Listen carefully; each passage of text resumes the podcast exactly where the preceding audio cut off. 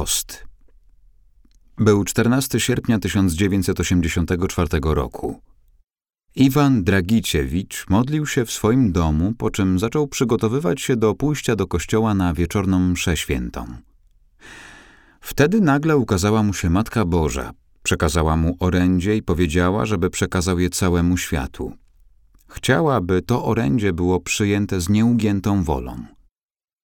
Chciałabym, by świat modlił się w tych dniach przy mnie i to jak najwięcej, by pościł surowo w środę i w piątek, by odmówił każdego dnia chociażby różaniec, radosne, bolesne i chwalebne tajemnice. Post jest modlitwą ciała i duszy, życiem o chlebie i wodzie. Post nie jest wyrzekaniem się czegoś. Kiedy poszczę, niczego się nie wyrzekam, ale wybieram chleb i wodę. Postu nie da się oddzielić od modlitwy. Post bez modlitwy jest zwykłą dietą. Należy się starać, by pościć za pomocą wszystkich zmysłów, dotykając i łamiąc chleb, smakując, jedząc powoli, jakby pić chleb i jeść wodę, słuchając i ćwicząc milczenie, patrząc na chleb i wodę i wszystko wokół siebie, wąchając chleb, wodę, herbatę i czując inne zapachy w przyrodzie. Maryja wzywa nas, byśmy pościli w środy i w piątki oraz mówi, jak powinniśmy pościć. Dziś wzywam was, byście zaczęli pościć sercem. Są ludzie, którzy poszczą, ponieważ wszyscy poszczą. Zaistniał obyczaj, z którym nikt nie ma odwagi zerwać. Parafię proszę, by pościła z wdzięcznością za to, że Bóg pozwolił mi pozostać tak długo w tej parafii. Drogie dzieci, pośćcie i módlcie się sercem. Matka Boża wzywa nas, byśmy modlili się i pościli sercem, czyli z miłością i z miłości. Miłość do Boga i ludzi jest jedyną właściwą motywacją do postu i modlitwy. W biblijnym sensie żadna inna motywacja nie jest wystarczająca. Istnieje niebezpieczeństwo, że człowiek zacznie pościć na pokaz, obnosić się z tym czasem, wręcz wywyższając się wobec osób, które nie poszczą. Podobnie bywa również z modlitwą. Jezus zostawił nam w tym względzie jasną wskazówkę. Kiedy pościcie, nie bądźcie posępni jako błudnicy. Przybierają oni wygląd ponury, aby pokazać ludziom, że poszczą. Zaprawdę powiadam wam, już odebrali swoją nagrodę. Ty zaś, gdy pościsz, namaść sobie głowę i umyj twarz, aby nie ludziom pokazać, że pościsz, ale Ojcu Twemu, który jest w ukryciu. A Ojciec Twój, który jest w ukryciu, odda Tobie. Należy więc być tego świadomym, sprawdzać siebie i nie napawać się ilością przeposzczonych dni ani odmówionych modlitw. Życie Jezusa i upodobnienie się do Niego jest podstawowym i jedynym miernikiem. Życie w wolności, które wzrasta przez post i modlitwę. Poszcząc i porzucając wszystkie inne sprawy, rozpoczynamy proces nawracania serca z egoizmu i pychy. Droga zmiany wyzwala od przyzwyczajenia do własnych pragnień i zachcianek, od niezdrowego uzależniania się od siebie i innych ludzi. Przez post i modlitwę człowiek staje się wolny i może żyć życiem godnym człowieka. Post i modlitwa są najlepszymi środkami w walce z szatanem. Bez nich nie możemy też do końca rozpoznać zła, które pragnie nas zniszczyć. I dzisiaj wzywam was do modlitwy i postu. Wiecie, drogie dzieci, że z waszą pomocą mogę uczynić wszystko i zmusić szatana, by nie kusił do zła i by oddalił się od tego miejsca. Szatan czyha, drogie dzieci, na każdego człowieka. Szczególnie pragnie w każdą codzienną sprawę wnieść niepokój u każdego z was.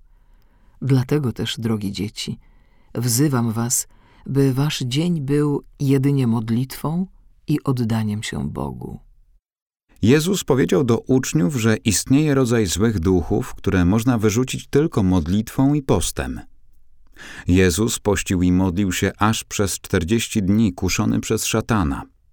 Było to od razu po chrzcie w rzece Jordan. W ten sposób przygotował się do swojej publicznej działalności. Żeby lepiej zrozumieć, jak bardzo potrzeba w dzisiejszych czasach przypomnieć światu o poście, zobaczmy, co na ten temat pisał ojciec Sławko Barbaricz – który był ojcem duchowości, teologiem, psychologiem i prawdziwie żył orędziami Matki Bożej. Zapomniany post Kiedy uświadomimy sobie biblijną, staro- i nowotestamentową praktykę postu, tradycję kościelną i doświadczenia świętych Kościoła katolickiego oraz to, co zostało z postu w naszych czasach, wtedy możemy słusznie stwierdzić, że post został zapomniany. Anselm Grün napisał: Czy dziś się pości? Zaledwie tam, gdzie moglibyśmy się tego najbardziej spodziewać, w klasztorach. Tutaj chętnie wylicza się wiele powodów, dla których nie da się już dziś tak pościć, jak przepisywał to na przykład w swej regule święty Benedykt, albo jak to praktykował święty Franciszek z Asyżu. Mówi się, że trzeba dziś więcej pracować niż dawniej, że człowiek nie ma już na to zdrowia. Zgodnie z prawem kościelnym pozostały już tylko dwa dni postu środa popielcowa i Wielki Piątek. Jeśli posłuchać rady, że można raz zjeść dosyta i dwa razy mniejsze posiłki, wtedy można powiedzieć, że post w ogóle już nie istnieje, ponieważ w taki sposób powinien jeść każdy rozumny człowiek. Raz dziennie dosyta i dwa razy mniejsze posiłki. Odmienny sposób jedzenia nie jest bowiem dobry dla ludzkiego organizmu. Kiedyś piątek był dniem, gdy chrześcijanie nie jedli mięsa. I to pozostawiono do uznania, co na pewno jest wielką stratą zarówno dla zdrowia duchowego, jak i fizycznego. Zniknęły także posty traktowane jako przygotowanie do świąt. To, co się mówi o poście w ostatnim czasie, pokazuje, że całkiem zniknął także sens postu, który zgodnie z wykładnią prawa można zastąpić dobrymi uczynkami albo jakąś ofiarą lub wyrzeczeniem, co jest całkowicie błędne. Kto nie może pościć, nie może zastąpić niczym postu, tak jak osoba chora nie może żadną modlitwą zastąpić udziału w mszy świętej. Jest usprawiedliwiona, że w niej nie uczestniczy, ale modlitwa nie zastępuje mszy świętej. Kiedy na przykład ktoś mówi, że wyrzeka się papierosów albo alkoholu w okresie Wielkiego Postu, to jest dobre, ale to nie jest post. Jeśli ktoś czyni dobre uczynki, wtedy to też jest dobre, ale to nie zastępuje postu. Post i modlitwa są w pierwszej kolejności środkami do wewnętrznego oczyszczenia i wyzwolenia, a potem warunkiem do prawidłowego wzrostu duchowego i prawidłowego zachowania w stosunku do siebie, bliźniego, przyrody i Boga. Wszyscy jesteśmy wezwani do postu. Nie możemy zapomnieć, że zarówno zdrowi, jak i chorzy, młodzi i starzy, bogaci i biedni, święci i grzeszni muszą pościć, ale z pewnością inne będą następstwa ich postu. Zdrowi dzięki postowi i modlitwie będą mieli więcej serca do chorych. Chorzy łatwiej będą nieść swój krzyż, a zgodnie z doświadczeniami wielu osób łatwiej wyzdrowieją. Młodzi dzięki postowi i modlitwie zachowają swoją wolność i nie dadzą się zniewolić złym nawykom, łatwiej będą je rozpoznawać i skuteczniej będą z nimi walczyć. Osoby w podeszłym wieku łatwiej zachowają pokój i radośniej będą przeżywać swoje dni. Będą bardziej wielkoduszne i wdzięczne za swoje życie. Bogaci dzięki postowi i modlitwie zrozumieją, czego potrzebują i co mają, oraz chętniej będą się dzielić z ubogimi braćmi. Post i modlitwa pomogą im, aby nie stali się pyszni w bogactwie i uchowa ich od niesprawiedliwych postępków. Post i modlitwa pomogą im, by byli wdzięczni za to, co mają. Ubodzy dzięki postowi i modlitwie łatwiej będą nieść swój krzyż ubóstwa i nie dadzą się zwieść na pokuszenie i myśleć, że będą mieć wszystko wtedy, kiedy będą mieli więcej albo staną się bogaci. Post uchowa ich od zgorzknienia w ubóstwie. Grzesznikowi post i modlitwa pomogą, by lepiej zrozumiał swoją grzeszność, aby lepiej ujrzał swoją odpowiedzialność, aby się szczerze pokajał i otrzymał siłę, żeby wyzwolić się ze zła i grzechu. Święty dzięki postowi i modlitwie będzie wzrastał w miłości, wierze, nadziei, oddaniu, ufności Bogu. Post i modlitwa ułatwiłyby chronienie środowiska, byłoby mniej śmieci i bylibyśmy w stanie pokonać ogólnoświatowe zagrożenie, że wszystkie naturalne bogactwa wykorzystujemy tak szybko, jakbyśmy byli ostatnią generacją na świecie. Gdy ta książka powstawała, cały czas mówiło się o trzecim tysiącleciu i zadawało pytania, co ono przyniesie. Lepiej byłoby wówczas zadać sobie pytanie, jacy będziemy w trzecim tysiącleciu, ponieważ jeśli będziemy żyć z naszą pychą, chciwością, nienasyceniem w jedzeniu i piciu oraz nieustanną pogonią za dobrami materialnymi, to bez ustanku będziemy powodować wypadki i rozbijać się jedni o drugich w naszym egoizmie i chciwości.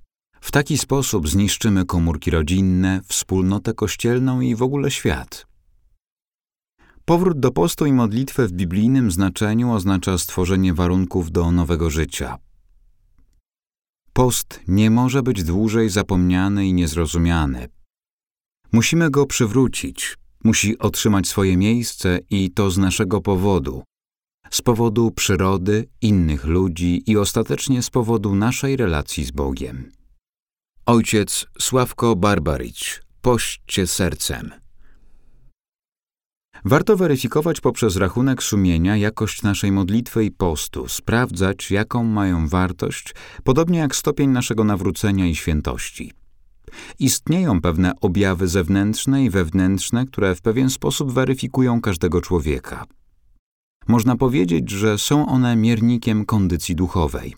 Są nimi wewnętrzna wolność, zdolność do kochania i przebaczania, szczodrość i wdzięczność, pokój i pokora.